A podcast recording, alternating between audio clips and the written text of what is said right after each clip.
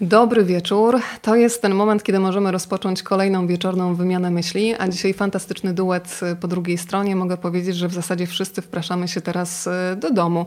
Do Anity Werner i do Michała Kołodziejczyka. Dobry wieczór. Dobry wieczór. Dobry wieczór. E, zachęcam do tego, żeby dać nam znać, w jakich miejscach na świecie nas Państwo słuchają. Ostatnio było bardzo międzynarodowo. Byliśmy i w Lizbonie, i nawet na Sri Lance, w Stanach Zjednoczonych, w Londynie, więc e, proszę dać znać, zameldować się na dzień dobry. E, muszę Was zapytać, w jakiej jesteście, słuchajcie, formie, bo wiem, że to jest niedziela pracująca, zarówno dla Anity, jak i dla Michała. Ja byłem. Jak zwykle w bardzo dobrej formie jesteśmy. Ja miałem program o 10 rano, następny mam o 22. W międzyczasie odrabialiśmy lekcje we trzech, ponieważ Anitka była w pracy, więc zabiegani, ale w doskonałej olimpijskiej formie. Różnimy się zawodowo dzisiaj z Michałem tym, że Michał miał jeden program rano, drugi wieczorem, a ja miałam jeden o 19, drugi o 19.26, czyli fakty i fakty po faktach już jestem po. Mam nadzieję, że dzisiejsze spotkanie potraktujemy wszyscy jako, takia, jako taką chwilę oddechu i spotkanie wręcz towarzyskie, bym powiedziała. A dzisiaj w centrum zainteresowania wasza wspólna książka Mecz to pretekst. I od razu muszę Państwu powiedzieć, że to nie jest książka o piłce nożnej. Dla mnie to jest książka, która mi pokazała, jak skomplikowane bywają relacje między ludźmi. Anita i Michał piszą między innymi o takich uniwersalnych mechanizmach, które odpowiadają chociażby za to, jak powstaje na świecie nacjonalizm. Piszą też o niezależnej od szerokości geograficznej potrzebie wspólnoty, o potrzebie bezpieczeństwa, o potrzebie miłości. E, I dzisiaj w tej naszej opowieści na pewno też pojawią się ludzie, którzy zostali wyrzuceni na taki życiowy aut, ale właśnie dzięki piłce nożnej, dzięki wejściu na murawę wracają do gry. Dzisiaj też porozmawiamy o tych, którym kibicowanie daje głos e, i często jest to taki głos, e, za którym jest nadzieja. A tej nadziei nam dzisiaj na pewno potrzeba. Ja widzę, że tu się mnóstwo powitań wyświetla i bardzo proszę, jest już z nami Londyn. Mamy Poznań, mamy, uwaga, Wrocław, mamy Olsztyn, mamy Grudziądz i proszę bardzo, ktoś zauważył, Anita, że jeszcze przed chwilą byłaś w Czerwieni. Też potwierdzam, oglądałam fakty, byłaś w Czerwieni. szybko się to zmienia, tak, właśnie no tak, szybko się to zmienia, tak jak w niedzielę dzisiaj właśnie zawodowa dynamika Ale była dosyć duża. To było tak piękne, co powiedziałeś o naszej książce, że e, e, muszę to odwinąć sobie później i nauczyć się na pamięć, jak nas będą pytali, o czym ta książka jest, to, to już nic lepszego nie wymyślimy.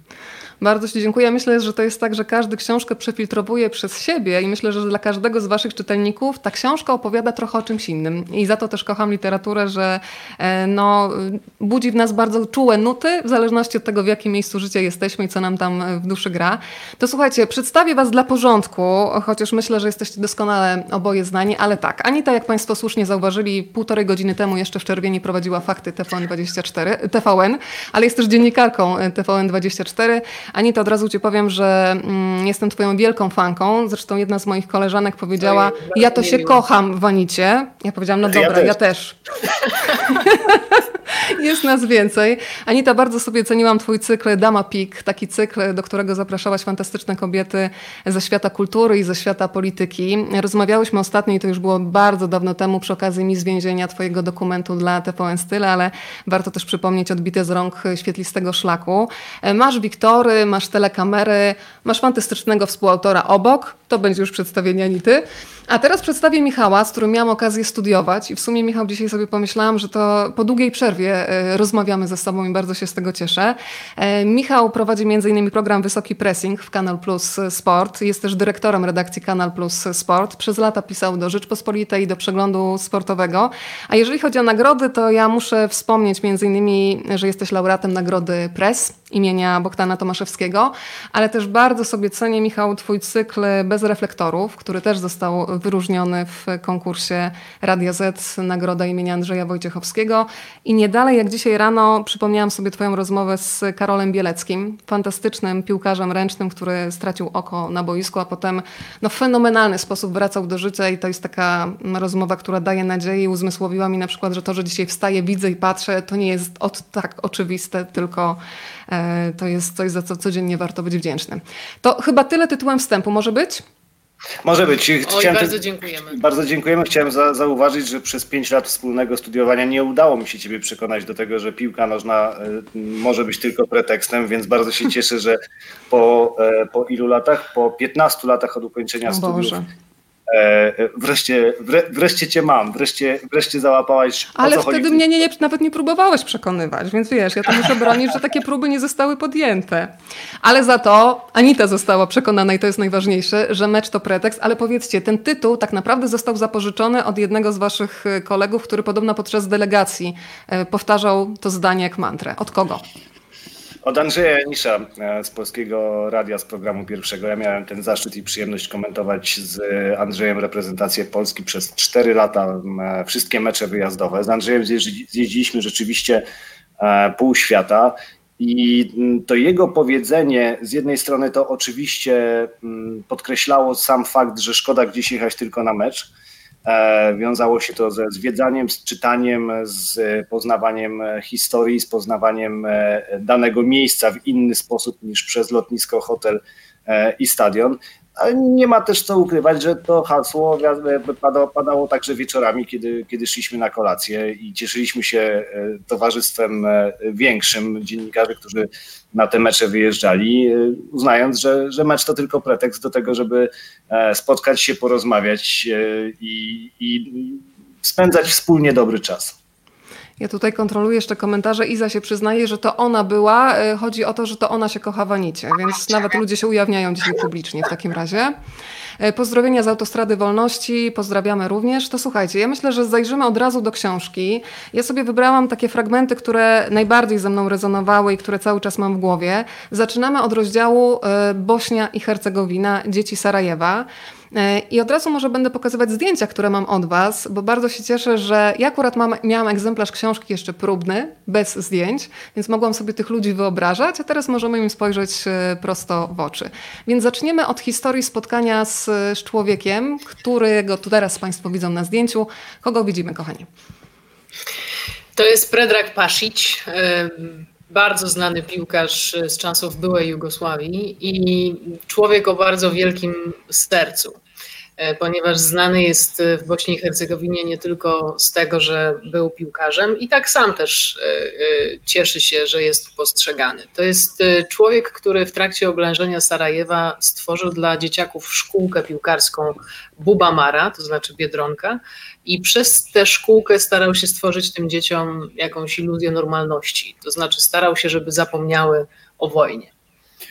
Predrag Pasic, e, kiedy wybuchła wojna, stwierdził, że musi być do czegoś przydatny mieszkańcom miasta. I chociaż już miał galerię, już e, sprzedawał obrazy, wiedział, że tak naprawdę znają go z tego, że, że jest piłkarzem, o którym mówiono Paja, najlepsza lewa noga w byłej Jugosławii. Tą lewą nogą e, zbierał do siebie serca dzieciaków. Mówił, że chociaż hala była pod ostrzałem, to, to była pełna pełna miłości, e, pełna wiary, ponieważ była wypełniona dziecięcymi marzeniami. Przez e, okres oblężenia miasta jego rodzina, jego małe córeczki mieszkała w, w piwnicy. Jedna z córek w ogóle tam nauczyła się chodzić, a Predrag organizował e, treningi, na które przychodziło po kilkaset chłopców. Żadnemu nic się nigdy nie stało, ani w drodze na trening, ani w drodze z treningu, a na tej hali, kiedy kiedy trenowali zimą, mieli takie jedno miejsce. Mm, nie był to schron, to był bardzo długi korytarz e, z, z grubym betonem, taki tunel, do którego po prostu uciekali się i przyjmowali pozycję, na, nakrywali e, głowę dłońmi, żeby, żeby ewentualnie jakiś od, e, odłamek ich nie, ich nie zranił. Ta szkółka istniała do 2014 roku. 14 tysięcy dzieciaków przez nią przeszło. Pasic w swoim kraju zna tak naprawdę wszystkich. Jego prawnik jest jego byłym piłkarzem, jego lekarz jest jego byłym piłkarzem. Mm, to człowiek instytucja, ale kiedy z nim się rozmawia, spotkaliśmy się bardzo rano, to, to przyznał, że, że starał się te emocje związane z oblężeniem, z wojną już trochę z głowy wymazać. E, I to było jak odczytywanie danych ze skasowanego twardego dysku. To było jak odzyskiwanie tych danych. Widać było, że sprawia mu to, że sprawia mu to ból, te, te wszystkie wspomnienia. Czytając... Ale to też człowiek, który jest bardzo spokojny i spokojnie opowiada o tym wszystkim, co było tak bardzo e, złe wtedy i traumatyczne dla tych dzieci, którymi się opiekował e, w swojej szkółce. I to jest człowiek, który robił, robi wszystko w swoim życiu, żeby pokazać, że e, podziały są bez sensu. To znaczy, żeby żeby pokazać ludziom, że nie ma znaczenia to, czy są Chorwatami, Bośniakami czy Serbami. Znaczenie ma to, że, ma to, że żyją w jednym kraju. I, i za każdym razem, jak tylko może, to to podkreśla. Kiedy czytałam waszą książkę, to ze wstydem zdałam sobie sprawę z tego, że jednak na co dzień żyję w takiej bańce, bańce, która jest bańką polską, E, a zdałam sobie sprawę z takiej, nie wiem jak to nazwać, równoległości, nieprzystawalności światów. E, zresztą to myślę, że też celowy zabieg, którego użyliście, kiedy przypominaliście e, sobie to, co wy robiliście w latach 90.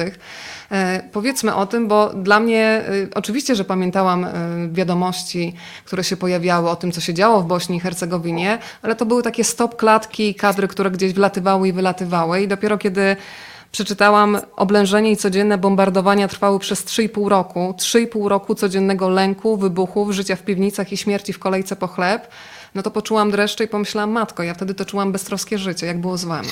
E, ja tylko krótki e, wtrąd, że tak powiem. Poproszę e, o wtrąd. Wiesz, 300, na 330 czy tam 340 stron bardzo staraliśmy się ani razu nie ujawniać, nie pokazywać siebie, bo to nie tak. jest książka o nas. Modne jest, nie wiem, pisanie książki o kimś z sobą w roli głównej ostatnio, e, ale, ale to nie nasz styl. Myśmy się w tej książce ujawnili dwa razy. Raz e, e, dowcipnie, kiedy Anicie zaproponowano kąpiel w czekoladzie w spa w, w Naddniestrzu, no bo musiałem napisać, że nie, tak. że nie mnie. Natomiast... Ciekawe dlaczego. Natomiast e, w tym przypadku e, zdecydowaliśmy się na napisanie, co wtedy robiliśmy, bo my żeśmy o tym rozmawiali przez pół godziny, przez godzinę, bo tak naprawdę wszyscy te czasy pamiętamy. Tak, bo to były takie czasy, które e, my już przeżywaliśmy świadomie jako nastolatkowie. I jak teraz sobie postaramy przypomnieć, co robiliśmy, co ty, co państwo, którzy nas oglądają, słuchają, robili w, w latach 94, 95, czy też nawet 92, to, to, to był ten czas, kiedy, kiedy w Sarajewie spadały bomby i pociski moździerzowe i kiedy nasi rówieśnicy w tamtym czasie tam e, robili wszystko, żeby przeżyć i cieszyli się, że, e, że dożywają do następnych urodzin to rzeczywiście było dla mnie bardzo osobiście y, mm, trudne przeżycie, znalezienie się w Sarajewie i y, w miejscu, w którym bardzo chciałam być, a bardzo długo nie byłam, bo dopiero dotarłam w Sarajewie, do, do Sarajewa w moim dorosłym życiu. I to miasto do mnie tak brutalnie przemówiło tymi wspomnieniami y, wojennymi swoimi, że, że bardzo to przeżyłam za pierwszym razem. To znaczy, ja przez cały dzień rzeczywiście chodziłam przygnębiona i smutna, przypominając sobie właśnie, co ja wtedy robiłam, jak beztrosko sobie żyłam w moim rodzinnym mieście Łodzi e, i, e, i co tak naprawdę się tutaj działo, w tym, w tym właśnie bałkańskim mieście. A to przemawia w wielorako, to znaczy na mnie zrobiło od razu wrażenie sarajewskie róże, czyli te wyrwy w ziemi, które pozostały do dziś po, po pociskach i po bombach, w które została wlana czerwona farba. I to jest tak, tak wygląda jak taki wielki kwiat. E, o właśnie to tak wygląda. I te, te, te róże sarajewskie przypominają dokładnie o tych miejscach, w których właśnie pociski spadły. E, pierwszego dnia, jak tam byłam, e, to też jak byliśmy, to poszliśmy do pomnika dzieci e, Sarajewa, to znaczy dzieci, które zginęły podczas oblężenia miasta i to jest taki pomnik, który przypomina stojak na widokówki. On się kręci i wydaje takie dźwięki jak e, pozytywka. I tam są nazwiska i daty urodzin i śmierci tych dzieciaków. I no, no jestem człowiekiem e, tylko i tak, zrobiło to na mnie ogromne wrażenie. Tam jest takie też ważne zdanie dla nas obojga, bo my żeśmy tak pomyśleli. Ja wcześniej byłem latem w Sarajewie, trzy czy cztery razy, ale, ale zawsze latem. E, kocham Sarajewo, e, kocham to, to miejsce, to miasto, jego wielokulturowość, jego, e, jego historię. I kiedy przyjechałem pierwszy raz e, za Nitą, przerywając chorwacki urlop, stwierdziliśmy, że Sarajewo jest tak blisko, że, że muszę ci pokazać. E, padał deszcz i, i przyjechaliśmy wieczorem, pokazywałem te światła na wzgórzach, że to tak ładnie. Kiedy, kiedy rano wstaliśmy i padał deszcz, to rzeczywiście, kiedy pierwszy raz przyjeżdżasz do Sarajewa i pada deszcz, wydaje ci się, że pada tam zawsze. E, Anita była smutna przez cały dzień. To był, e, to był zdecydowanie najbardziej ponury dzień urlopu, bo trudno było znaleźć nagle będąc przygniecionym tymi wszystkimi faktami, tymi różami, tymi pomnikami, tą historią, e, trudno było znaleźć tam coś optymistycznego, mimo że przecież od wojny minęło już 20 e, parę lat i, i to miejsce żyje i funkcjonuje normalnie. Wy też przypominacie o takich e, piosenkach chociażby, które się stały elementem popkultury. Miss Sarajewo chociażby, czyli mm, mm, utwór grupy YouTube za którym stoi kolejna wstrząsająca e, historia, czyli mamy rok 93 e, i odbywają się wybory Miss. Wybory Miss w piwnicy. E, na ten temat powstał film dokumentalny Billa Cartera. Powiedzcie, jak to wyglądało, bo to też są rzeczy, które nam gdzieś uciekają. Wszyscy znamy utwór YouTube, ale myślę, że nie każdy zna historię, która za tym stoi. Jest ja z tym myślę, powiązana, że... może tak. Ja akurat y, y, trochę egoistycznie skupiłabym się przez chwilę jeszcze na czymś innym. To znaczy, rzeczywiście znamy historię, znamy piosenkę YouTube, znamy hasło Miss Sarajewo. Y, mhm. Pamiętamy, niektórzy pewnie z Państwa pamiętają te klatki wideo gdzieś tam z, y, odgrzebane w pamięci właśnie z tego konkursu, albo też zdjęcia, które gdzieś tam się przewijały przez naszą y, świadomość w tamtym czasie.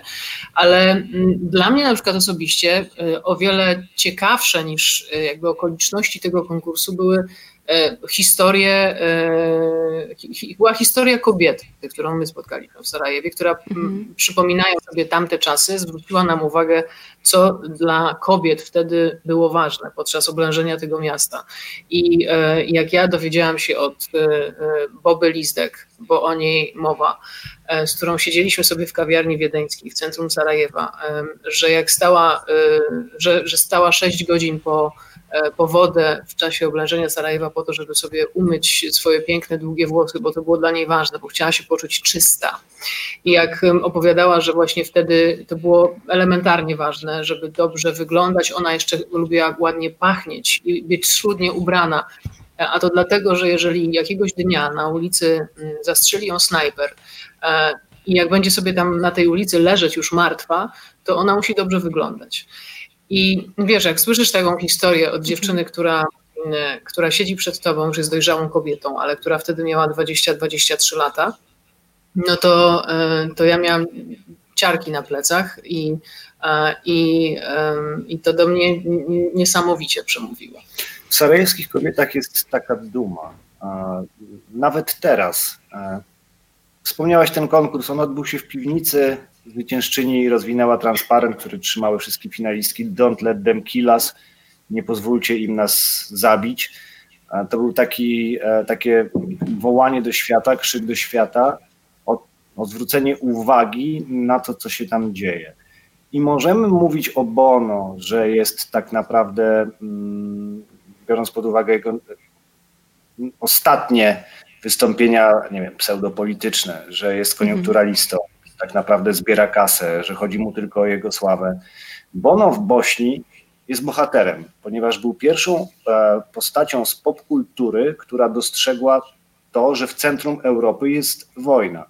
Kiedy wojna się skończyła i YouTube przyjechało do Sarajewa z mm, koncertem e, trasy Pop Mart, e, bilety były trzy razy tańsze, pół narodu przyszło na, na stadion. Generalnie teraz Bośniacy, znaczy obywatele Bośni i Hercegowiny dzielą się na tych, którzy byli na tym koncercie albo e, na tych, którzy i tych, którzy nie dostali biletu na ten koncert. W wielu miejscach, w wielu restauracjach ten bilet z tego koncertu jest oprawiony w ramki. W tych kobietach e, pokazywałaś przed chwilą zdjęcie, tam jest, tam jest generał e, który mówi, że kobietom Sarajewa trzeba postawić pomnik za to, że to miasto istnieje i że przetrwało, bo w momencie, kiedy wszyscy poszli walczyć, kiedy wszyscy e, zajmowali się wiem, przetrwaniem, życiem, umożliwieniem jakiegokolwiek funkcjonowania, wszyscy mężczyźni, e, tak kobiety dbały o to, żeby to miasto po prostu funkcjonowało, żeby dzieci miały co jeść, żeby mm, był dach nad głową, żeby mm, dostarczano przesyłki, żeby wymieniano informacje. I te kobiety do dzisiaj mają w sobie coś takiego. Ja to zwracałem uwagę tobie na to, że e, wiesz, to mm, tam broda jest podniesiona wysoko. na ulicach. I to jest e, pewne spojrzenie i to jest paryski szyk. I e, pytałem się Anitki, czy, czy, czy się zgodzisz, czy tylko ja to dostrzegam, że, e, że, to są, że to są bardzo dumne kobiety, które też mają prawo być dumne ze swojej historii, swoich matek i babci. I, i to widać. Mhm. Tak, to widać. Powiedzieliście o tej dbałości o kobiecość. Dla mnie ta dbałość właśnie o kobiecość była taką próbą wręcz już desperacką uratowania tej godności. Kiedy mówicie o tym, że myślimy nawet o tym, jak będziemy wyglądały po śmierci, bo to się może zdarzyć w każdym momencie, ta śmierć. Zresztą wracając jeszcze do tej piwnicy, w której odbywały się wybory Miss, do mnie też bardzo przemówiło to zdanie, dziewczyny, która wygrała, że nie powie nic o planach dotyczących jutra, bo jutra może nie być. A więc to kompletne też zanurzenie wymuszone przez sytuację w, w tu i teraz i ta walka o godność.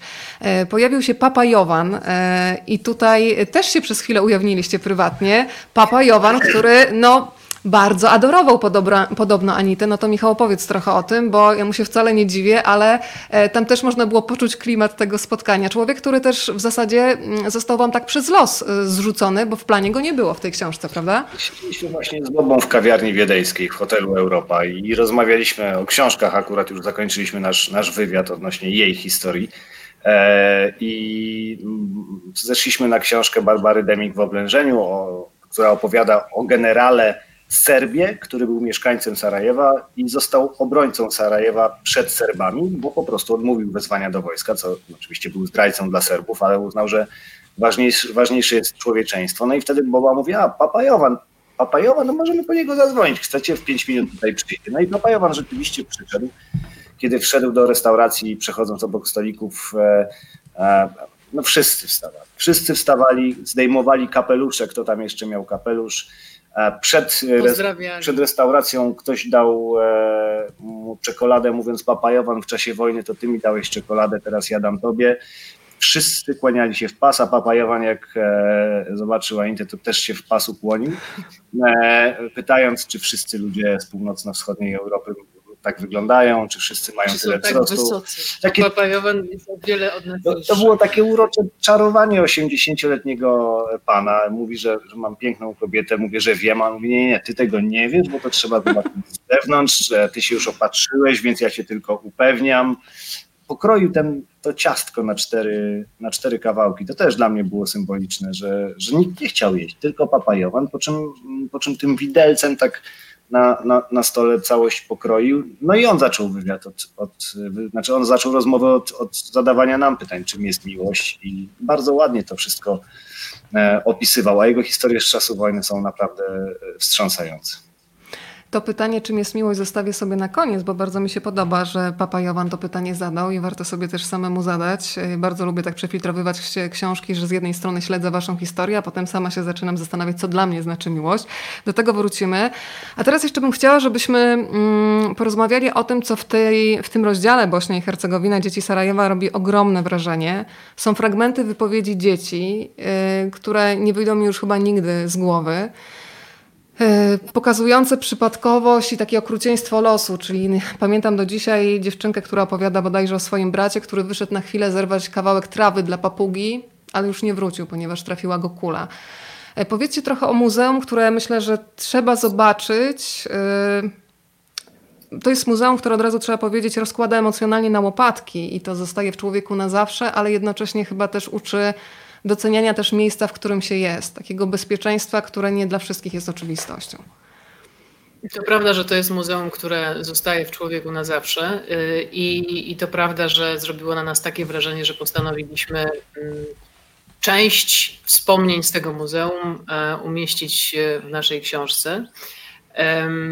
To jest Muzeum Wojennego Dzieciństwa, które mieści się w Sarajewie i powstało w ten sposób, że jego założyciel najpierw postara, chciał w jakiś sposób e, mm, podyskutować z osobami, które w czasie oblężenia Sarajewa były dziećmi i zapytać te osoby, jakie jest ich wspomnienie z wojennego dzieciństwa. I w internecie napisał to pytanie mm, na swoim Facebooku.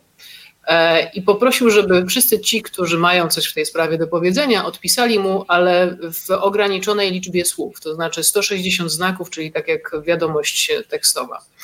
I przyszło ponad tysiąc odpowiedzi. I to były tak e, porażające i wstrząsające i osobiste e, wspomnienia, krótkie, ale jednak wspomnienia, że on zrobił z tego e, książkę, umieścił to wszystko w takiej małej książeczce, ale też stało się to punktem wyjścia do, do tego muzeum. To znaczy, w tym muzeum są różne eksponaty, które przynieśli ci, którzy podczas oblężenia miasta byli dziećmi. I to są eksponaty, które um, rzeczywiście zwalają czasem z nóg. Um, nam osobiście najbardziej utkwiła chyba w pamięci e, kamizelka kuloodporna, zrobiona przez jednego brata dla drugiego brata przez młodszego brata dla starszego brata z tektury, która została pomalowana mm, kredkami czy farbami właśnie z, z linijką z napisem Bośnia i Hercegowina i która okazała się nieskuteczna. I to muzeum jest y, pełne takich historii, pełne wspomnień, które bolą, pełne, pełne traumy wojennej. E, I e, część właśnie z tych y, wiadomości, które były odpowiedzią na pytanie, jakie jest Twoje wspomnienie z wojennego dzieciństwa, umieściliśmy właśnie w rozdziale o Bośni i Hercegowinie. Wiesz, powiem tak e, nieskromnie, że oboje bardzo dużą uwagę przywiązujemy do języka polskiego. To czuć, jak I, się czyta książkę. A w tych e, wyimkach z tych SMS-ów są błędy językowe i są błędy logiczne w postaci e, straciłam brata, bo kiedy e, wyszedł na zewnątrz, zabił go snajper i zrozumiałam, że już go więcej nie będzie. Błąd mhm. logiczny, zagubienie podmiotu wygląda na to, że może snajpera już więcej nie będzie. E, przeszliśmy małą wojnę z, z korektą, bo my się nie odważyliśmy zmienić choćby słowa, chociaż wiemy, że to było tłumaczone na polski, że, bo ta książka jest do kupienia tylko w tym muzeum, i jest przetłumaczona, przetłumaczona na polski, to są tak emocje wydłubane, rozdrapane, że nie, śmie, nie, nie, nie mieliśmy odwagi, nie mieliśmy śmiałości, żeby zmienić choćby słowo, nawet jeśli brzmiałoby lepiej e, e, po polsku. Tam są, tam jest ponad 1600 tych wiadomości i to jest taka to jest taka lektura, że jak za dobrze się czujesz, to możesz tam sobie zajrzeć i, i, i zejdziesz na ziemię natychmiast. To prawda. Państwo nawet zauważyli samą nazwę, że w ogóle Muzeum Wojennego Dzieciństwa, że sam, samo to, że musiało powstać takie miejsce, że, że komuś wojna jest połączona, dla kogoś wojna jest połączona na zawsze z dzieciństwem, to już pokazuje, w jaką rzeczywistość e, wchodzimy. Ale też e, zauważ i Państwo zauważcie, że e, nie rozmawiamy w tej chwili większość czasu o piłce nożnej, co świadczy o tym, że nasza książka Mecz to pretekst, futbol, wojna, polityka nie jest książką piłkarską. W związku z czym to też przy okazji w tej chwili um, chciałabym podkreślić, bo te wszystkie historie, zaczęliśmy od Predraga Pasicza, który tak. założył szkółkę piłkarską, ale to wszystko właśnie się ze sobą ale wiąże. Będę się upierał, że Bośnia awansowała w 2014 roku pierwszy raz w historii na mundial właśnie także dlatego, że, e, że powstało Muzeum Wojennego Dzieciństwa, czyli że ci wszyscy młodzi chłopcy z traumami, e, często już dzieci emigrantów, czuły w obowiązku coś oddać swojemu krajowi, który jest młody, nieporadny, niezdarny, chaotyczny, niezorganizowany. Tam jest 14 ministerstw edukacji i w każdej, w każdej części panują inne zasady, inne podręczniki.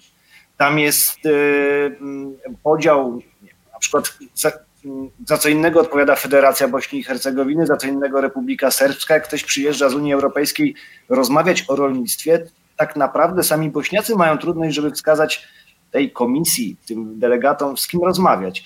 Ale, ale te sukcesy sportowe, ta, nie wiem, wszyscy na pewno znamy e, Lukę Modricza. To akurat jest e, Chorwat, teraz wicemistrz świata, ale Modric wychowywał się w Zworniku. W Zworniku, który był e, jednym z najbardziej zdepopulowanych miast e, w historii Europy po, e, właśnie po wojnie na, e, na Bałkanach. Bardzo wielu piłkarzy, którzy później odnosili sukces jako, jako zawodnicy uznanych europejskich klubów, żeby wyjść żeby wejść na taki poziom, najpierw musiało wyjść z piwnicy jako dzieci. Słuchajcie, dzisiaj Państwo tutaj dają znać, że są z nami we Wrocławiu, w Katowicach, w Warszawie, w przeróżnych miejscach i tak sobie myślę, że może dzisiaj nas będą nawet setki kilometrów dzielić, ale emocjonalnie będziemy bardzo blisko. To znowu zmieniamy teraz szerokość geograficzną i lądujemy w, w Izraelu. To jest y, niezwykła historia, którą myślę, że powinni przeczytać wszyscy rządzący w różnych państwach na świecie, bo pokazuje uniwersalny mechanizm, jak można mm, wyławiać ludzi, którzy właśnie czują się wyrzuceni przez system gdzieś na aut e, i przygarniać ich do bardzo takich e, radykalnych organizacji, e, które skupiają się na nacjonalizmie, które skupiają się na podgrzewaniu nienawiści.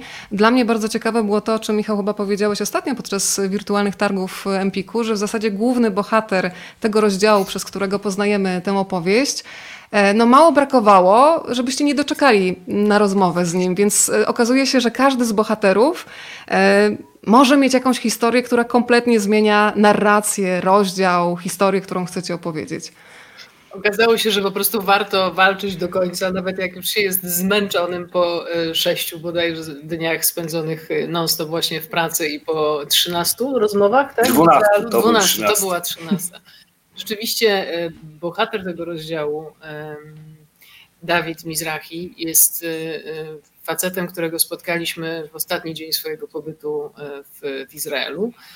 Natomiast poznanie jego historii bezpośrednio od niego, tak naprawdę, mm, mówiąc w przenośni, napisało nam rozdział. To znaczy, to jak opisał sposób, w jaki przeszedł z jednej strony na drugą, to znaczy z lidera e, organizacji kibiców e, chuliganów e, na stronę osoby, która jeździ do szkół z wykładami o, o, o rasizmie. Dudi to ten facet w czapce. Dawid, przepraszam, bo Dudi to właśnie było jego poprzednie imię, które, którego już w tej chwili nie, nie używa. To, to, to, to, jak teraz jeździ do szkół i, daje wykłady o tym, co, co nienawiść może zrobić z człowieka, to ta przemiana jest naprawdę przykładem na to, że, że to, co się wydaje niemożliwe, jest możliwe, ale też na to, jak łatwo właśnie e, człowieka porzuconego, bez miłości, wykluczonego, E, tak zaprogramować, żeby, żeby szerzył nienawiść zamiast miłości. Zło nie pokaże swojego złego oblicza kupując młodego człowieka. Zło pokaże się jako dobro. Jeśli zło jako pierwsze w życiu kogoś przytuli, to młody człowiek będzie myślał, że przynależąc do danej grupy, myśląc tak jak ta grupa, będzie miał w życiu dobrze, bo będzie czynił dobro to nie jest tak, że ktoś mając 12 lat decyduje się na, na zejście na złą drogę. Ale kiedy Dudi e, palił budynek klubowy, podpalał budynek klubowy, kiedy Dudi e, organizował protest pod e, domem e, prezydenta klubu, który zatrudnił dwóch e, muzułmanów, a przecież Bejtar, e, jego ukochany klub, miał być forever pure, miał być na zawsze czysty, bez krwi arabskiej. To nie byli Arabowie, ale muzułmanie nawet mhm. wystarczyło. To kiedy go zatrzymano po jakiejś bójce i zobaczył pod aresztem 200 osób krzyczących dudi dudi, to on się poczuł potrzebny, on się poczuł ważny i, i kochany. I z tego typu środowisk e, najbardziej, e, e, na, najłatwiej chyba zwerbować kogoś do, do czynienia zła, do, e, obudowując to, oszukując go samego, że tak naprawdę czyni się, czyni się dobro. Tam jest fajna też historia tego, jak, jak nowy właściciel Bejtaru, Moshe Hogek, e, zdecydował się wygonić rasizm z trybun. I, i ten Dudi, który, który tam siedział przed nami, ja może coś z życia, z życia reportera, że tak powiem, po tych 12 rozmowach mieliśmy Dudiego o 12, on miał przyjechać do nas z Jerozolimy, nie wiadomo będzie, czy przyjedzie, czy nie przyjedzie. Mhm. E, mówiłem, słuchaj, on na, parę razy nam tas, nas tam wystawiono, oczywiście wszędzie na tych, w tych podróżach. Ktoś przestał odbierać telefon. E, I e, mówiłem, że dajmy sobie spokój, chodźmy na plażę. Ja już uważam, że mamy wszystkich, wszystkie głosy zebrane. Potem spotkaliśmy się z tym Dudim w czapce, który stał w starej Jaffie i staliśmy my i Dudi, czekaliśmy na tłumacza, jego kumpla, bo Dudi okazuje się nie mówi po angielsku, po francusku, e, po hiszpańsku, po niemiecku i to była taka krępująca cisza, że ja jeszcze bardziej byłem wtedy zdenerwowany, po co my żeśmy się z tym Dudim w ogóle, z tym Dudim w ogóle spotkali. Ale wracając do Hogega. On, to poczekaj, zanim przejdziesz do Hogega, to muszę zapytać, kto jest autorem zdania, ponieważ musimy też zaznaczyć, że w tej książce jest dużo mroku, bo opisujecie konkretne wydarzenia historyczne, ale też jest sporo poczucia humoru i proszę się przyznać, kto napisał zdanie. Hogeg jest niski, ale gdyby stanął na swoim portfelu, patrzyłby na nas z góry. Anita czy Michał? Anita, Anita, ja nigdy nie miałem problemu z swoim e, wzrostem, e, natomiast e, mój wzrost zawsze był atutem, więc nie, nie potrzebowałem grubego portfela. Tak, to był taki żart, który się okazał idealny do tej książki. Akurat do tego rozdziału i do, tego, do tej sytuacji. To to już wyjaśniłam, to kontynuuj Michał. E, Moshe Hogek, e, jak do niego dotarliście? Bo to też jest taka postać, do której niełatwo e, dotrzeć, nawet miejscowym w Izraelu, z tego co wiem. Tak, to jest właściwie niemożliwe. Jak my żeśmy dotarli, to jest magiczne, śmieszne, bo dzień przed wylotem przypomniałem sobie, że trener od przygotowania fizycznego w Legii Warszawa, Łukasz Bortnik, kiedyś pracował w Izraelu, chyba w Berszewie. Nie znałem człowieka, zadzwoniłem z załatwiłem do niego numer telefonu, zadzwoniłem, mówię, cześć, Łukasz Michał Kołodziejczyk, słuchaj, my piszemy książkę, e, jutro lecimy do Izraela, może, może masz tam jakieś kontakty.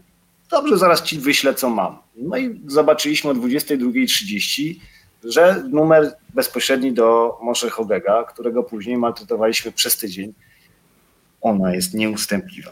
To jest po prostu, jak ktoś mi napisze, nie mam ochoty, ja mówię, okej, okay, dobra, i kasuję ten numer, nie masz ochoty, to cześć. To jest kobieta, która... E, mm, ja jestem zodiakalnym baranem, rozumiesz? To Uparta. jest po prostu upór. Ale ten upór I dążenie ma, do celu. Ten upór ma różne oblicza, na przykład... Opowiedz e, o tych metodach docierania do celu. Stajemy, mam, zawsze mieliśmy grupę na Whatsappie z, z nas trojga, czworga, w zależności z kim się tam mieliśmy spotkać. I na grupie z Morzy Hogegiem, który nie miał czasu, który nie miał e, mm, przestrzeni na spotkanie z nami, który bajerował nas, że a gdzie jesteście? No, my jesteśmy w Hajfie, a ja w Jerozolimie. No to my jedziemy do Jerozolimy, mówimy, jesteśmy w Jerozolimie, a on mówił, a ja w Tel Awiwie. No i w końcu Anitka, mieliśmy wyjść, wstać o piątej, budzę się tam czwarta trzydzieści, patrzę, a już na naszej grupie jest jedna wiadomość. Myślałem, że to Mosze odpisał, Mosze nie odpisał, tylko Anitka wysłała y, kwiatuszek. Ale taką e, emo, emo, emo, emotikonkę, widzisz, aż się zadukałam. Tak, emotikonkę i wiesz co zadziałało, ponieważ... No ja po prostu stosowałam metody, które intuicyjnie wyczułam, że mogą działać. No I, jeszcze, rzeczywiście działały. Jeszcze on zrobił nam test oczywiście, ponieważ wiedział, że tego dnia jesteśmy w Jerozolimie i powiedział, to ja czekam na was w Ramat Gan za godzinę 20. I my żeśmy przerwali wywiad, który w tym momencie mieliśmy E, wsiedliśmy w naszą. E, Nasz samochód. W, w naszą rajdówkę, bo to były coś w stylu Citroen C3 albo Kia Ceed, coś małego, takiego miejskiego. No i wpadliśmy na to 27 piętro, dokładnie w momencie, kiedy, kiedy wybiła nasza, nasza godzina. Moshe Hogek zabrał kibiców do kibiców rasistów. Mhm. Zabrał do wskazanego przez nich rabina żeby zapytali rabina, czy rzeczywiście są dobrymi syjonistami, jeśli nienawidzą Arabów. I rabin powiedział im, że nie.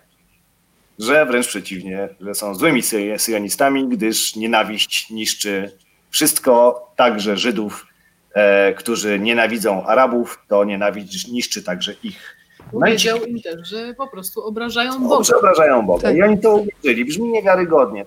Tak, opisujemy tą historię. Tak, wszyscy nam o tym mówią.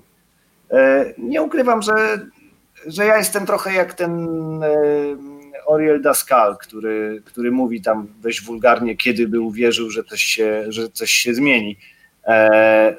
Bo, bo to nie, nie, nie słowa, a czyny będą świadczyły o tych przemianach, ale historia nieprawdopodobna. No to, to, to nie wiem, to może my, kiedy ktoś sprawia problem, też weźmy kogoś do biskupa, żeby biskup powiedział, że E, rzucanie e, racami w kibiców przyjezdnych, to też jest czynienie, czynienie zła. Jakby poziom wiary jest też inny zupełnie. Bardzo byśmy chcieli w to wierzyć, że się uda. Moshe Hogek jest e, nowocześnie myślącym wizjonerem, biznesmenem, jest facetem, który działa w branży startupów i, i on na spotkaniu z nami najpierw opowiadał nam o tym, jak postanowił dawać coś z siebie innym ludziom? I dlaczego postanowił dawać coś z siebie innym ludziom? I ma taką swoją zasadę, według której e, w życiu postępuje, oddając część swoich zysków na e, słuszne cele. I tym słusznym celem jego stał się w pewnym momencie klub Bejtar Jerozolima. I e, i oczywiście wiedział, jaki jest problem tego klubu. Wiedział, że od lat jest to klub, który jest postrzegany i nazywany najbardziej rasistowskim klubem piłkarskim na świecie.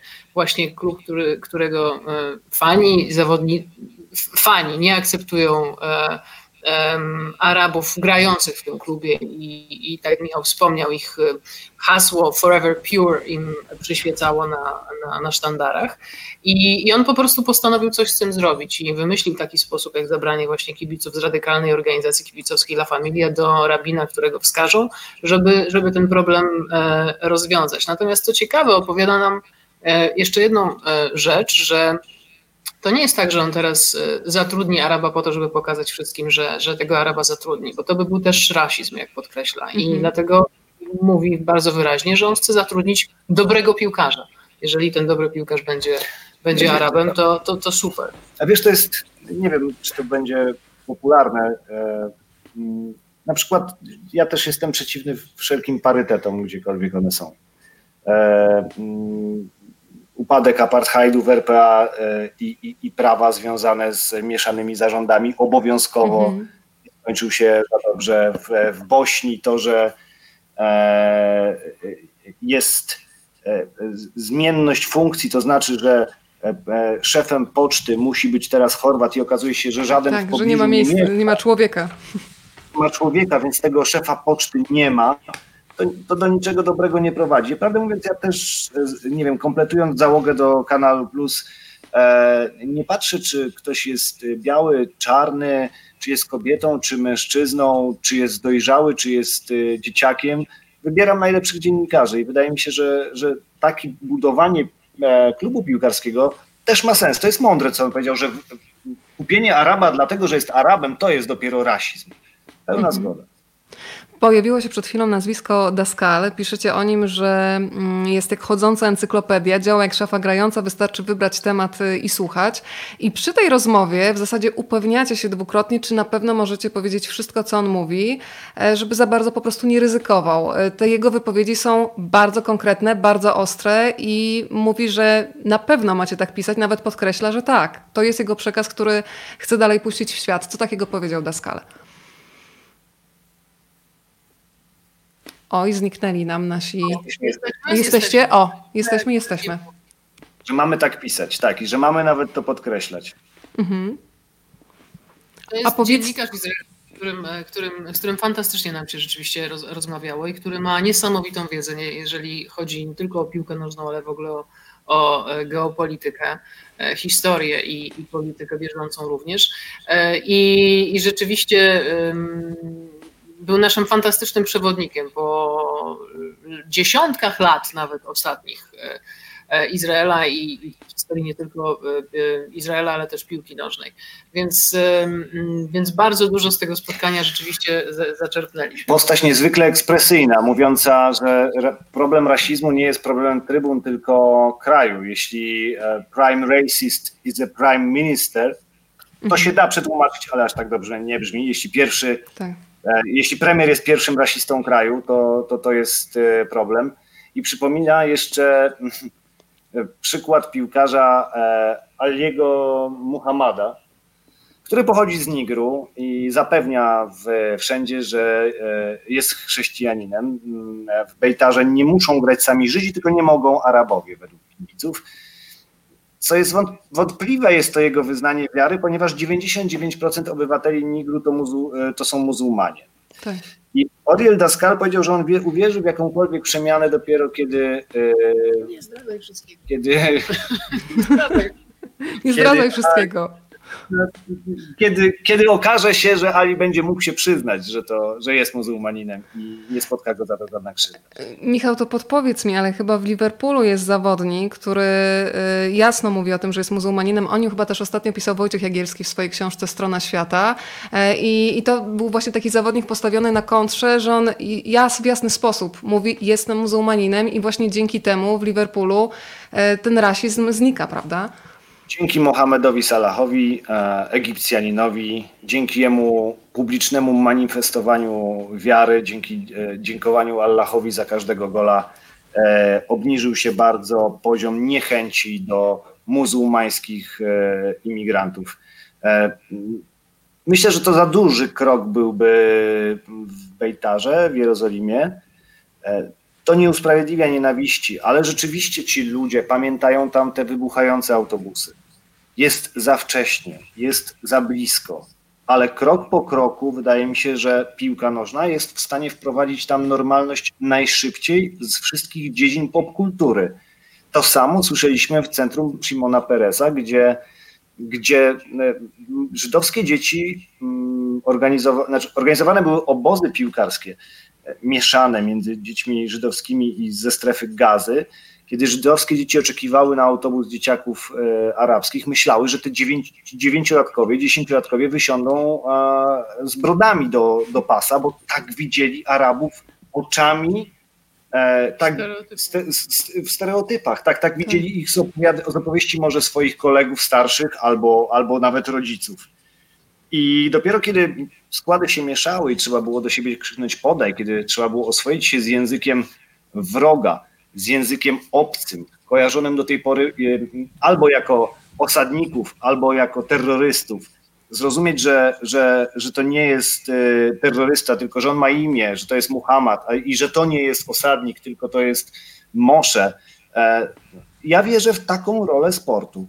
Ja wierzę w to, że e, takie oswajanie dzieciaków ma sens, bo nie wierzę za bardzo w oswajanie dorosłych, bo, bo może być za późno. Tam może być po prostu milcząca zgoda, a prawdziwe przyjaźnie już na poziomie dzieciaków. Ale ja jeszcze chciałam właśnie dopowiedzieć e, do Michała to, że e, zauważcie Państwo i, i zauważ proszę, że um, zaczęliśmy od y, klubu Bejtar Jerozolima, który jak wspomnieliśmy przez lata był uznawany za najbardziej rasistowski i tłumaczyliśmy jak, jak to u nich, na, na czym to u nich polega, mhm. ale skończyliśmy teraz tą opowieść izraelską na tym, jak piłka nożna pomaga jednoczyć ludzi.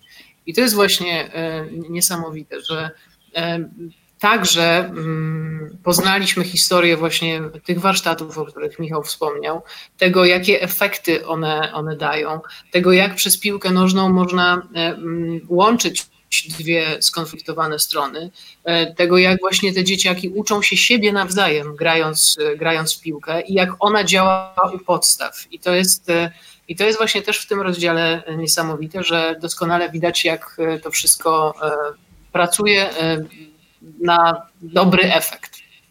Słuchajcie, spoglądam cały czas na komentarze i to pytanie już mi się chyba dwukrotnie tutaj przewija, czyli pytanie o drugą część. Kuba pyta, czy na przykład RPA, Katar pojawią się w kolejnej części, to w ogóle zacznijmy od tego, czy druga część już jest w planach. Wiem, że był dodruk, więc zapotrzebowanie jest. Czy Państwo już e, rozrysowują mapę? No teraz jest trochę problem z podróżowaniem, ale czy w głowie już ten pomysł jest? Jest. No, no, właśnie my tak skończyliśmy, skończyliśmy to, to rzeczywiście się tak złożyło, że skończyliśmy podróże do, do tej książki y, w styczniu tego roku, czyli tuż przed wybuchem epidemii, więc y, później już tylko był czas na napisanie, a teraz to właśnie nie wiadomo jak z tymi podróżami będzie, ale lista krajów, do których moglibyśmy jechać już jest i to jest bardzo długa lista. Myśmy robili przed tą pierwszą częścią. Przed pierwszą częścią miała 23 czy 24 pozycje, a później ograniczyliśmy się troszkę geograficznie i finansowo. Ja to powiedziałem pierwszy raz u Darka Rosiaka chyba e, w, w jego podcaście, a może nawet przed wejściem do studia. Mhm. Myśląc sobie, a taki szczegół. I na wszystkich to zrobiło duże wrażenie, więc może ja się z Tobą i z Państwem też podzielę. Myśmy tej książki nie napisali w tradycyjny sposób. Nie poszliśmy do wydawnictwa z pomysłem, nie zyskaliśmy jego akceptacji, nie dostaliśmy zaliczki i czasu na zebranie materiałów i oddanie pierwszego rozdziału. Jako ludzie ceniący sobie niezwykle komfort, spokój i e, niezależność w dysponowaniu własnym czasem, czasem myślę, że my tą książkę zrobimy. i zrobimy ją za własne pieniądze i zobaczymy, czy te historie rzeczywiście nam się opowiedzą. I. I zobaczymy, jak się nam razem pracuje. I zobaczymy, jak się nam razem pracuje. I zobaczymy, czy kogokolwiek to jeszcze zainteresuje poza nami. I doszliśmy do wniosku, że nami rządzi pasja i że ja mam ochotę to zrobić od 20 lat, a ja to kompletnie czuję. E, wierzymy w to, że mieszając nasze doświadczenia, umiejętności i znajomości, e, e, możemy z fajnych ludzi do tej książki ściągnąć. By the way, 66 rozmów do, powstało minimum każda Mistrz godzina. statystyki. Tak, tak, to siedzi we mnie bardzo głęboko. Jak jadę samochodem, to mam zawsze na spalanie ustawione i na przejechane kilometry. Ale to y, nieważne zupełnie w tej historii jest. I my żeśmy tą książkę napisali po naszemu.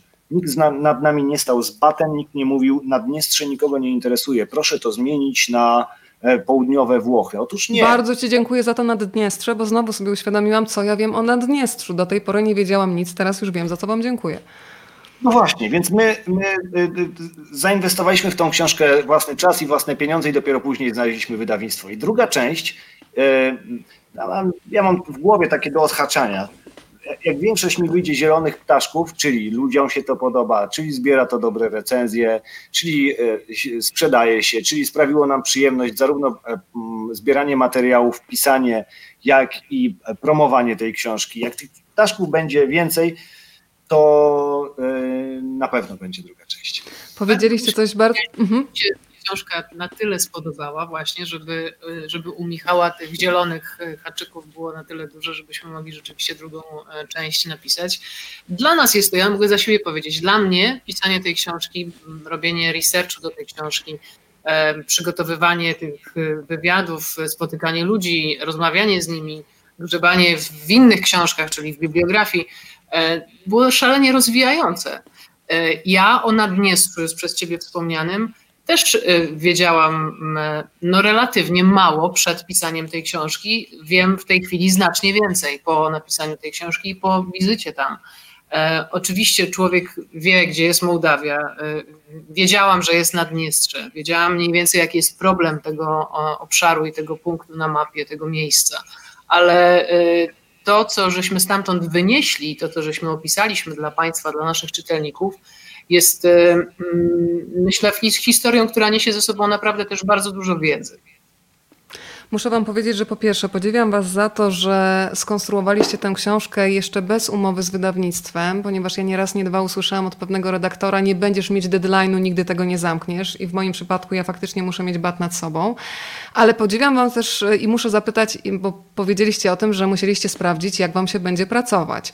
E, ja mam takie doświadczenie z pracy ze swoim ulubionym człowiekiem na życie, że to jest cudowne, bo zbliża, ale też wiem, że mm, w związku, kiedy się jest, no to dużo łatwiej się, ja mam krótki ląd tak zwany, czyli jeżeli się irytuję, to na przykład obcemu człowiekowi, współpracownikowi bym nie wypaliła tak ostro, natomiast najbliższemu niestety tak. Więc powiedzmy, czy u was była tylko taka sielanka, lukier, pączki z lukrem, czy zdarzało się, że były konflikty? Oczywiście do rękoczynów nie dochodziło, ale różnice nie, no zdań. Nie, właśnie nie było. Nie, no wszystko dobrze jakby pracowało. To brzmi, znaczy, okazało brzmi strasznie, się... nie? Brzmi tandetnie i nieprawdziwie. Okazało się, nieprawdziwie. że rzeczywiście fajnie razem wszystko gramy. Oczywiście pod e, jakimiś e, względami jesteśmy e, charakterologicznie różni, ale na przykład no, no śmiejąc się z takich naprawdę już szczegółów, to Michał lubi pisać. Ja lubię do kogoś zadzwonić, więc, więc nawet na takim poziomie to się mhm. jakoś tam dobrze sprawdzało, bo wtedy, kiedy trzeba było dzwonić, to, to dzwoniłam, kiedy trzeba było pisać, to, to, to, to pisał Michał. kwiatuszki. Kwiatuszki, piktogramami, tak. Tak, w związku z czym e, jak, jak działały kwiatuszki, to też wysyłałam kwiatuszki. Natomiast e, e, okazało się, że wiesz, oboje jesteśmy dziennikarzami e, z wieloletnim doświadczeniem. Dla, dla nas obojga dziennikarstwo to jest pasja. Ciekawość świata to jest dla nas pasja. Więc e, e, to też miało znaczenie, dlatego że my odbieramy jakby te wszystkie bodźce rozmowy, rozmówców i miejsca na tych samych falach, z takim samym zainteresowaniem, z takim samym zaciekawieniem, a do tego oboje jesteśmy pracowici tak e, do upadłego, to znaczy, że mhm. właśnie jak trzeba, jak to Michał żartuje, że jak trzeba nie jeść i, i, i nie spać trzy doby, to nie jemy i Ale ja wcale nie żartuję. Właśnie najciekawsze jest to, że ja wcale nie żartuję, ponieważ E, no, ja tak miałem w pracy i mam. A propos twojej Lizbony, która jest także moją Lizboną, otóż ja tam kiedyś pojechałem Toyotą Yaris bez zatrzymywania się, służbowo. 3600 kilometrów. E... A tu bardzo niezdrowo i bardzo nieodpowiedzialnie, nie, nie tak. bo trzeba odpoczywać. Tak. E, nie no, jakiś tam postój był, trzy godziny na parkingu. To na tej zasadzie, że na raz, nie że, nie, że to. Obronił się. Na, natomiast słuchajcie, e, mm, jak się odpoczywa za nitą, jak się mieszka za nitą, to wiadomo, że swoje przyzwyczajenia służbowe w stylu zje się wtedy, kiedy będzie czas, to można odłożyć na później, no bo przychodzi pora tam 14, 15, 16 trzeba coś zjeść. ja się trochę bałem, jak to będzie na wyjeździe. Otóż Anita Werner na wyjeździe e, zamienia się w osobę, której Państwo być może zupełnie nie znają. Także potrafi nie jeść przez dobę, także potrafi nie spać przez no, półtorej doby. Umówmy się, przepraszam, no, ale to trochę tak jak była dziwna. No, umówmy się, że ja byłam reporterem, tak? Ja swoją dziennikarską przygodę zaczynałam od bycia reporterem. Jeździłam w teren na zdjęcia z kamerą. Wiem, jak to jest umawiać ludzi na zdjęcia rozmówców, jak to jest trudne. Wiem, jak to jest czasami dotrzeć w niektóre miejsca na zdjęcia. No więc to, A ciekawe, to jest tak, że pamięta Werner jako, jako reportera, bo prawdę mówiąc, Proszę się przyznawać mniej pamiętam jako reportera, mówiąc eufemistycznie. Znaczy, jak ja bym siebie zobaczyła z czasów, kiedy, byłabym report- kiedy byłam reporterem, to mogłabym też nie pamiętać.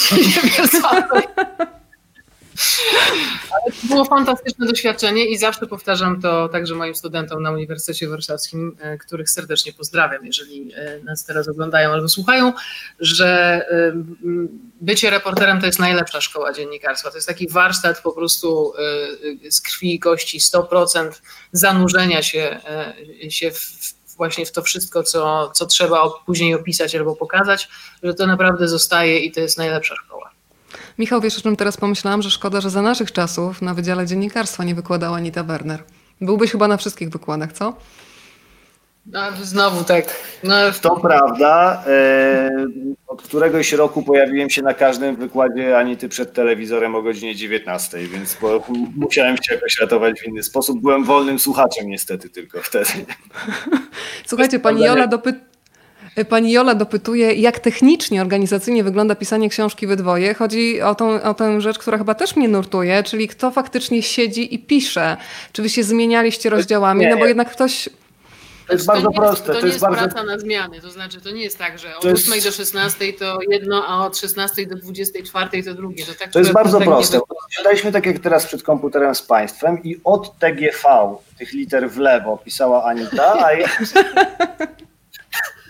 A ja po prostu brałem te klawisze po prawej, po prawej stronie. Nie no, mówmy się, że tak na serio to jest, to, to jest tak, że um, cały czas się to, to, robi razem. To znaczy oczywiście nie, nie jest to pisanie na dwa komputery, ale nie, no było pisanie na dwa komputery. No było tak, pisanie było, na dwa no w sumie komputery. Proszę ustalić jedną wersję zdarzeń sumie tak, w momencie, kiedy y, y, jedno z nas się zajmowało y, właśnie ogarnianiem i edytowaniem, redagowaniem rozmów, wywiadów, a drugie zajmowało się na przykład szukaniem czegoś albo przeglądaniem naszej bibliografii, albo, albo już konstrukcją rozdziału. No to, tak, zdarzały się takie sytuacje. Ale nie ma, nie, nie ma podziału na rozdziały? Konstrukcja tekstu wyglądała tak, że jeśli któreś z nas napisało pięć akapitów longiem po dyskusji, to te pięć mhm. akapitów longiem później, ile my mamy tych maili z takimi pierdółkami, że zobacz, e, napisałem coś takiego, czy byśmy to wsadzili, to było przerabiane. Kurczę, ta książka jest naprawdę dobrze przemyślana. Perfekcjoniści. To znaczy, poza 20 latami, który, kiedy ja myślałem o tej książce, to ostatni rok był naprawdę bardzo intensywny i widzisz, tak jak ty nie miałabyś deadline'u i nigdy byś nie napisała, to ja wiem, że bez Anity jej pasji, jej wkładu, jego i braku zarażenia wirusem piłkarskim, ta książka też pewnie by się nigdy nie, nie ukazała. I tak, ten perfekcjonizm, ta pracowitość była. E, ja, ja, ja także jestem w pracy perfekcjonistą i, i pracowity również jestem. Może mniej jestem perfekcjonistą, jeśli chodzi nie wiem, o układanie t-shirtów w kosteczki. Ale... A Ani to jest? Pewnie te wszystkie, te wszystkie cechy, które wymieniłem, one sprawiły, że, że ta książka wygląda tak, jak wygląda. Że, e, że, że kolory na okładce mają taki odcień, a nie inny odcień, że to każdy, każdy szczegół, e, także w postprodukcji, e, to, było, to było dopieszczanie, byliśmy przerażeni jakby skalą naszych poprawek jeszcze do ostatniej wersji, bo to nigdy nie pisaliśmy książki e, tego typu, ani ta mapa repozycji na, na swoim koncie, ale żeby, że jak mieliśmy jeszcze pięć poprawek do ostatniej wersji, to byliśmy przerażeni, że, że, że to chyba jest chore, że my musimy później jeszcze raz przeczytać całość. Mhm. E, Anita przeczytała całość jeszcze raz, bo zrobiła audiobooka. W ogóle to, to polecam, bo to jest... E, Też polecam. Fantastyczne, fantastyczne nagranie. Ja też polecam i to była dla mnie niesamowita przygoda. Słuchajcie, a zdradźcie trochę takiej mm, kulisów pracy, myślę o takich śmiesznostkach, które nas czasami tworzą, jeżeli chodzi o warsztat e, zawodowy. E, mój mąż na przykład już się niestety przyzwyczaił, że czasami się budzimy rano i wylatuje nagle jakiś zakreślacz, bo ja non stop siedzę w łóżku i mam taką zasadę, niektórzy mówią, że to jest straszne barbarzyństwo, ale ja czytam książki i podkreślam e, i dlatego po latach potem czytam i siebie, bo wiem, co mi w duszy grało i książkę i te niestety zakreślacze walają się absolutnie wszędzie, ale też jako dowody miłości dostaję kolejne paczki. Więc powiedzcie, czy mieliście jakiś taki system, nie wiem, segregowania, foldery, które są zawsze uporządkowane? Na przykład mój pulpit wygląda zawsze, jest wszystko na nim. Pulpit mojego męża jest wszystko uporządkowane. Jak jest u was? Nie pokazuj tych, nie pokazuj tel numerów telefonów, ale e, Michał jest maniakiem statystyk, to już wspomniał, i również maniakiem tabelek, co co ja doceniam, bo rzeczywiście ja z kolei jestem wzrokowcem, więc e, mhm. skoro przed każdą podróżą i przed każdym wyjazdem i przed każdym naszym kolejnym tematem powstawała tabelka, w której trzeba było wypisać z kim, kiedy się widzimy, a na, e, a na stronie obok e, Tabelka ten numer telefonu tak. do, do, tej osoby. Ona jest bez numerów telefonu. Jak plan lekcji prawie spotkania z Irlandii Północnej zupełnie. Więc ja wzrokowiec doceniłam te tabelki w momencie, kiedy rzeczywiście już one powstały. A później powstawały... Osobiście je robiłam. A później staliśmy systemem kafelkowym. To znaczy, Takie azuleżosz, czyli znowu wątek portugalski się pojawiał. Tak, myśmy robili kilkanaście, kilkadziesiąt kafelków, w zależności od tego, ile było wątków. Na zielono robię teraz wstęp. Na zielono zaznaczaliśmy te, które są zrobione, e, a strzałki pomiędzy nimi początkowo powstawały ołówkiem, bo jakby kafelki mogły się łączyć jak jak, jak to nazwać, nie w sudoku, tylko e, we wszystkich, we wszystkich kierunkach. I dług, domino takie, tak, wielokierunkowe. Wiesz, domino takie, że pierwszy przekręca najpierw siódmy, a potem wraca do trzeciego i wyglądało to tak.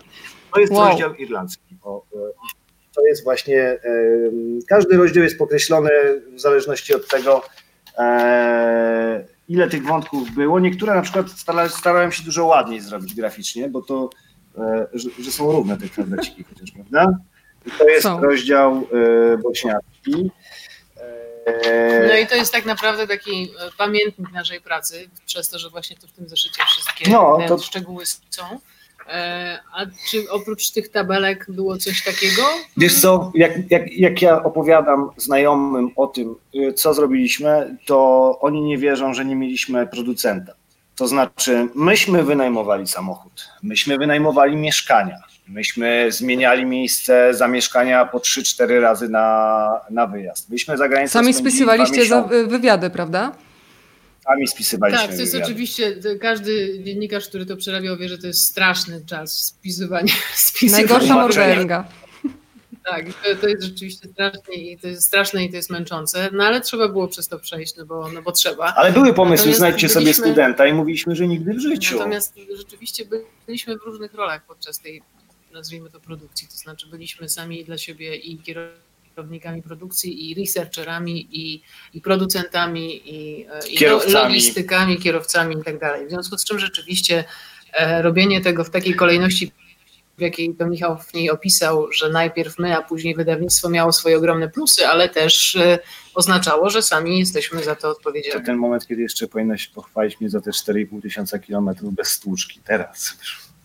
Teraz. I teraz takie fanfaria powinny mieć jakieś efekty dźwiękowe. Słuchajcie, to muszę was zapytać, ponieważ...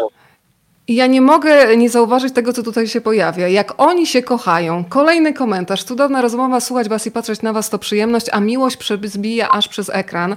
Więc skoro padło hasło miłość i o miłość zapytał was Papa Jowan. Cukierkowo lukrowo nie zrobiło za bardzo, no bo my tutaj o ciężkiej pracy nad książką produkcyjną ale cały czas słuchajcie zgodni. Więc muszę zapytać o tę miłość według Was. Definicję. Pytaliście o wszystko swoich bohaterów, o miłość, o nadzieję, o budowanie wspólnoty. E, no to taki najważniejszy składnik miłości. Coś, bez czego po prostu dobra relacja nie wypali. Proszę. Może pani no, ja, ja, oczywiście zawsze przed takimi pytaniami publicznie uciekam. Uciekam. Tak, i oczywiście zrobię to tym razem również, przytaczając słowa generała Diwiaka, który, tak jak Michał wspomniał, jak się z nim spotkaliśmy, to powiedział tak, to ja wam zadam pierwsze pytanie. Czym dla was jest miłość? No i zaczęliśmy z nim dyskutować, po czym on powiedział, że najważniejsze to jest być zakochanym. Tak po prostu, ale wcale nie w mężczyźnie czy w kobiecie, tylko po prostu zakochanym. A e, później opowiadał nam, jak jest fantastycznie, jak ma się właśnie 84 lata, tak jak on, i on jest zakochany. I on um, emituje tą swoją miłością do świata, do ludzi i do siebie, i, i do siebie samego, ponieważ, jak podkreślał kilka razy, jest ze sobą pogodzony, jest, no, no, kocha siebie samego, akceptuje siebie samego, co jest też elementarnie ważne. E, idąc tym tropem, tak, zgodzimy się chyba, że to jest rzeczywiście podstawa, żeby, żeby cokolwiek e, na tym polu, żeby mieć na tym polu jakieś osiągnięcia. To ja rzeczywiście akceptacja własnej, własnej osoby i, e, i takie pogodzenie się z własną osobą i robienie wszystkiego w zgodzie ze sobą. Trzeba czuć e, wsparcie i chcieć dawać wsparcie, a tak, żeby to sprowadzić żeby trzeba się dobrze czuć w swoim towarzystwie, a żeby to sprowadzić do takiego przykładu, ja w ogóle uwielbiam, e, Anita wspomniałaś o tych, o tych rozmowach bez reflektorów, E, Anita była zawsze pierwszym recenzentem i mówiła, ja uwielbiam, kiedy rozmówca mówi na przykład i ty wtedy mówisz, e, i on daje przykład ze swojego życia, wyjaśniając teorię. To ja powiem tak, odpowiadając na twoje pytanie. Nie oceniam, ponieważ mam już prawie 40 lat i każdy ma prawo budować swoje relacje jak chce i opierając je na takich zasadach, na jakich chce. Dość powszechne jest to, że kiedy E, nie wiem, żona z dziećmi wyjeżdżają na wakacje, to facet się cieszy, bo będzie miał oddech. Albo kiedy e, zostaje sam w domu, a żona idzie do pracy, kobieta idzie do pracy, to że będzie sam ze sobą i będzie super. Że doceniają te chwile, momenty męskich wypadów na, e, na ryby albo męskiego piwa w piątkowy wieczór. Otóż ja nie odczuwam e, satysfakcji e, z tego, kiedy Anita ma pracujący weekend, gdyż bardzo dobrze czuję się w jej towarzystwie. Mój uśmiech mówi sam za siebie. E, to, żeby nie kontynuować wątków prywatnych, e, to zwrócę się do pytań zawodowych. Pan Łukasz pyta Michała. Ja mam pytanie z przymrużeniem oka. Czy Michałowi dzisiaj zdarza się celebrować sukcesy i tańczyć jak piłkarze Kamerunu z 90 roku z Mistrzostw Świata we Włoszech? Bo grając w piłkę na Pradze w latach 90., ponoć oni byli ich idolami. Byli. Cyril Makanaki i e, Oman Bik również. tak, piłka nożna nauczyła mnie też geografii absolutnie zaczynając w szkole podstawowej e, edukację z tego przedmiotu znałem nie tylko położenie wszystkich krajów, ich wtedy było trochę mniej e, na świecie, ale też znałem wszystkie stolice. Miałem taką mapę, kiedyś takie były maty modne, słomkowe na ścianie, przy, przy tapczanie miałem swoje tam była mapa świata i miałem te flagi w każdą stolicę. I absolutnie, to też był mecz, to był tylko pretekst, ja znałem wszystkie flagi nie dzięki kapsom i wyścigom pokoju, tylko dzięki temu, że na przykład Kamerun był tak blisko e, e, osiągnięcia historycznego sukcesu e, na Mistrzostwach Świata w 1990 roku. Dziwne, nie? że na, na targówku wtedy byliśmy omambikami, makanakimi, ale to dopiero moje dzieci mają to szczęście, że mogą być Lewandowskim czy Błaszczykowskim. No myśmy takich bohaterów wtedy nie mieli. To wtedy były te czasy, kiedy Dariusz Szpakowski mówił czarna jesień polskiego futbolu trwa. Powiedziałeś, powiedziałeś nazwisko Lewandowski. W książce piszecie m.in. o jednym z klubów, który chyba jako jedyny na świecie nie zatrudniłby Lewandowskiego. O jakim klubie mówię? No, oczywiście o Atletic.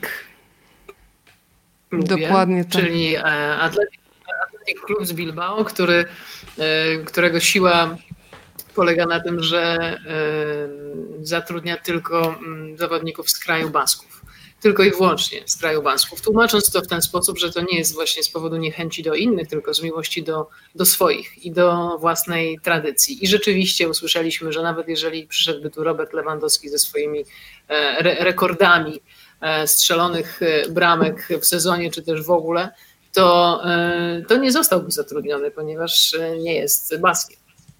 To skoro jesteśmy w kraju Basków y, i padło hasło Bilbao, to niech pojawi się Javier Clemente. Muszę zapytać, czy on jest niższy czy wyższy od Hogego? Jest... Nie, Hogeg, Hogeg jest wyższy, ale być może e, pan trener Clemente jest tego samego wzrostu, co generał Livia. Tak, ale gdyby Clemente stanął na swoim ego, to byłby jeszcze wyższy. wyższy jeszcze od Hogega na pewno. Kocham te porównania. Słuchajcie, byliście na meczu Atletiku... z. To była fantastyczna rozmowa z trenerem Clemente, aczkolwiek jego koledzy, którzy go dobrze znają i są bardzo złośliwi w stosunku do niego, powiedzieli nam przed naszym spotkaniem, że, e, że jak widzimy się z nim tylko godzinę, to, to, to okay. będzie ok, bo dłużej to już było trudno. Ale słuchajcie, to był ten zawodnik, który zraszał, e, który zraszał murawę przed meczem? Tak, to, to on był? Trener, tak, i on początkowo był nieufny do, wobec nas i w momencie, kiedy zauważyłem, że jest nieufny, a mam do czynienia z takimi rozmówcami w świecie sportu od wielu lat powiedziałem mu, że trenerze, pan to był w tych latach 80. trochę jak Jose Mourinho, co? No i już był o, nasz. Kupiony. Przez, przez godzinę fantastycznie nas przeprowadził przez historię futbolu w kraju Basków. No właśnie, kraj Basków, czyli e, historia niby jak Bejtaru, tak? Rasistowska, tak. że przedstawiona jako miłość do swoich. I kiedy rozmawiałem na ten temat z e, kolegą z Otwocka, to on mi powiedział, słuchaj, dla mnie Atletik nie jest żadnym rasizmem, oni stawiają na swoich, to jest bardzo fajne. Ja bym chciał, żeby w Otwocku grali tylko chłopaki z Otwocka, bo po to jest ten klub, żeby rozwijać talenty lokalne. I coś w tym jest. Uwierz tam, że przez ten e, tydzień czy tam 10 dni, które spędziliśmy w Bilbao łącznie, nie, tydzień, mhm. to e, my kupiliśmy tą teorię, że jest to produkt miłości, a nienawiści, że jest to produkt miłości do swoich, a nie nienawiści do kogoś innego. Bo tam jest na przykład czarnoskóry Iniaki Williams, który absolutnie z Baskiem jest takim, że jego rodzice uciekli e, z wojny e, w Ganie, jeśli się nie mylę, tutaj e, pamięć zawodna. Znaleźli się w kraju Basków i, i tam się Iniaki urodził. Zresztą dostał imię poprawników przez obóz dla uchodźców.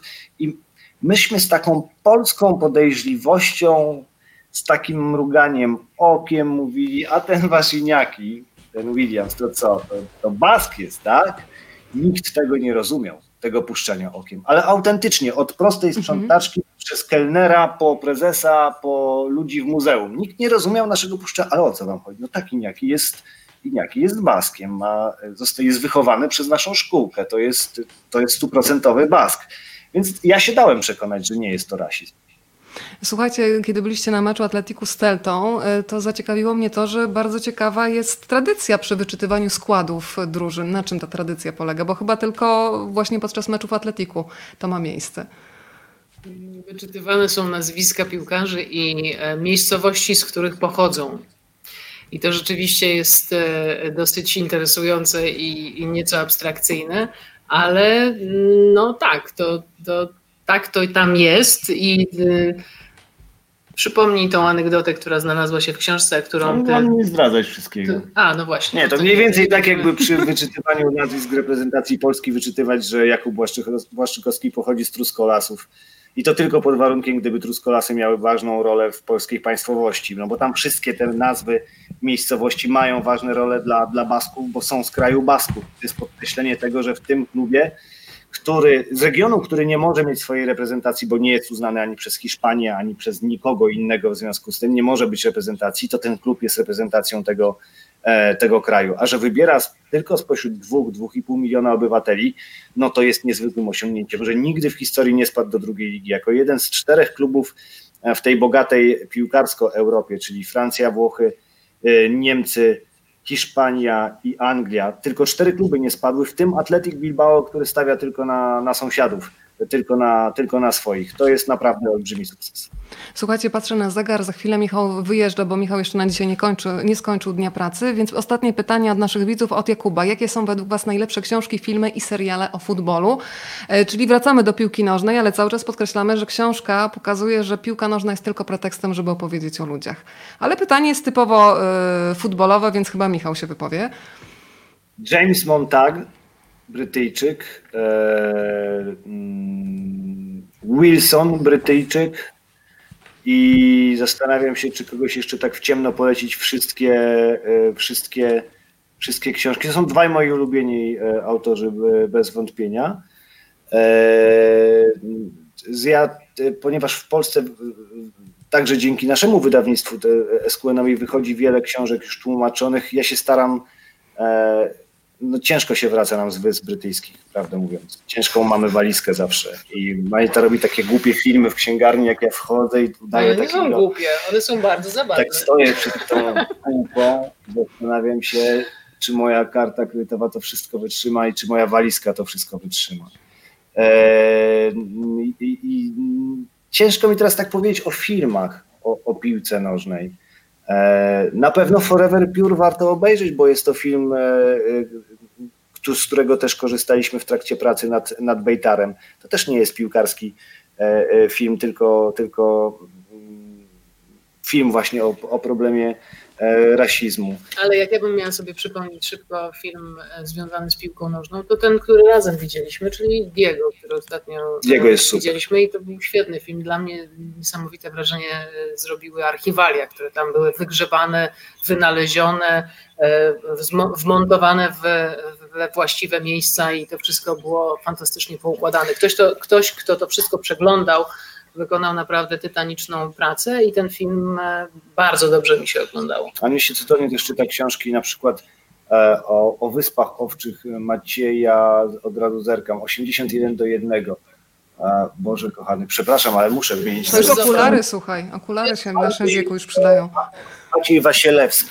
Tam, ten tytuł 81 do 1 to jest jeden z e, wyników meczu Ligi Farerskiej. Te, taki, taki rodzaj pisania o piłce bardzo nam odpowiada i tak staraliśmy się właśnie, nie tak nauczono pisać o sporcie w Rzeczpospolitej, żeby nie ograniczyć się nigdy liniami bocznymi i linią końcową, żeby nie ograniczyć się poprzeczką i, i, e, i słupkami, a poprzeczkę wspólnie zawiesiliśmy sobie tak wysoko, że, e, że mieliśmy pełne, byliśmy pełni obaw co nam z tego wyjdzie, jak Państwo to odbiorą, więc każde ciepłe słowo jest dla nas i, bardzo ważne. A ja nawiązując jeszcze do tego, o co mnie tam próbowałaś podpytywać przed chwilą, e, e, związanego z, z relacją, to, e, to ja muszę powiedzieć, że ja jestem absolutnie zafascynowana tym, ile Michał wie i ile widzi, widzi tą wiedzą na świecie, ponieważ jest to E, człowiek, który najwięcej.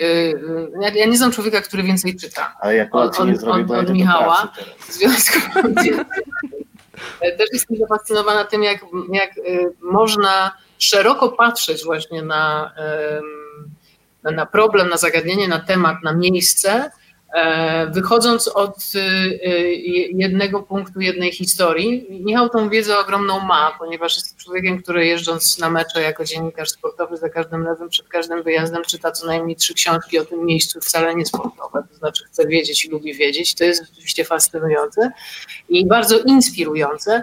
Więc, więc ja jestem zafascynowana i zainspirowana za każdym razem. E, I, e, I to, że pokazał mi właśnie, że dzięki E, meczowi można zobaczyć znacznie więcej niż tylko ten sam mecz, to jest też, e, no to jest Michała zasługa. Y, powiedzieliście o tych książkach, y, polecaliście, to jeszcze polecę jednego z autorów, który pojawił się, mm, napisał dla was tak zwanego blerba, myślę o Wojciechu Jagielskim. E, on też w swojej nowej książce Strona Świata tłumaczy też y, skomplikowane relacje między ludźmi, e, to też jak działają media, poprzez piłkę nożną. Tam jest między innymi przejmująca historia afgańskiego chłopca, o którym usłyszał cały świat. Pewnie pamiętacie tę historię. Miał koszulkę zrobioną z reklamówki, prawda, z, z numerem 10 Messiego. E, potem już znacznie mniej osób dowiedziało się, jaki był koszmarny ciąg dalszy tej historii. E, ale zakończmy nadzieją, bo to jest książka, która opowiada w dużej mierze o nadziei. Anita, ja cię muszę o to zapytać, bo sama kiedy oglądam, codziennie oglądam fakty, mm, zawsze po wyłączeniu telewizora no jestem przybita, bo jest teraz tak dużo trudnych e, ciężkich informacji. No ten świat nie jest najłatwiejszy obecnie. Więc zastanawiam się, jak ty czyścisz głowę, siedząc od rana tak naprawdę, kiedy masz dzień, yy, kiedy prezentujesz, to jest tylko jakby finał, natomiast od rana tak naprawdę pracujesz i tworzysz te informacje. Jak wy czyścicie głowę i gdzie mówiąc wprost, tak czysto po ludzku szukacie nadziei w momentach no, takiego, takiej rozsypki emocjonalnej, która się chyba każdemu z nas zdarza od czasu do czasu? Otóż jak czyścimy głowę? Biegamy. E, przebiegliśmy niedawno półmaraton i to nam na czyszczenie głowy świetnie zrobiło. Natomiast... dwa tygodnie już nie biegamy, to mamy wyjątkowo brudne. Tak, a teraz, a teraz jakoś tak się zaczęliśmy regenerować, że ten czas się przedłużył i rzeczywiście nie biegamy, ale to też było związane z tym, że mieliśmy tyle obowiązków e, ostatnio, że po prostu nie, nie, nie daliśmy rady. Dzień nie był, nie, nie był zgłodny, ale a propos obowiązków, to właśnie e, Michał już musi biec do pracy. Tak. Więc muszę lecieć. Bardzo przepraszam. Kończyć, cudownie ale... się z wami gada, cudownie Weronika zrób dogrywkę yy, albo przy drugiej no, już mu, ten też, telefon tak, już telefon wybucha. Jasne. Czyli biegnij Michał, biegnij. Bardzo, bardzo z całego serca dziękuję Wam za to spotkanie. Powiem e, prosto właśnie z tego serca, że było mi po prostu z Wami tak czysto po ludzku bardzo dobrze. Dziękuję wszystkim, którzy dzisiaj byli razem z nami. Mecz bardzo to pretekst, dziękuję. futbol, wojna, polityka. Anita Werner i Michał Kołodziejczyk, wydawnictwo SQN. Do zobaczenia. Dziękuję Wam pięknie. Bardzo dziękujemy, dziękujemy Tobie i dziękujemy Państwu. Dzięki. Dzięki.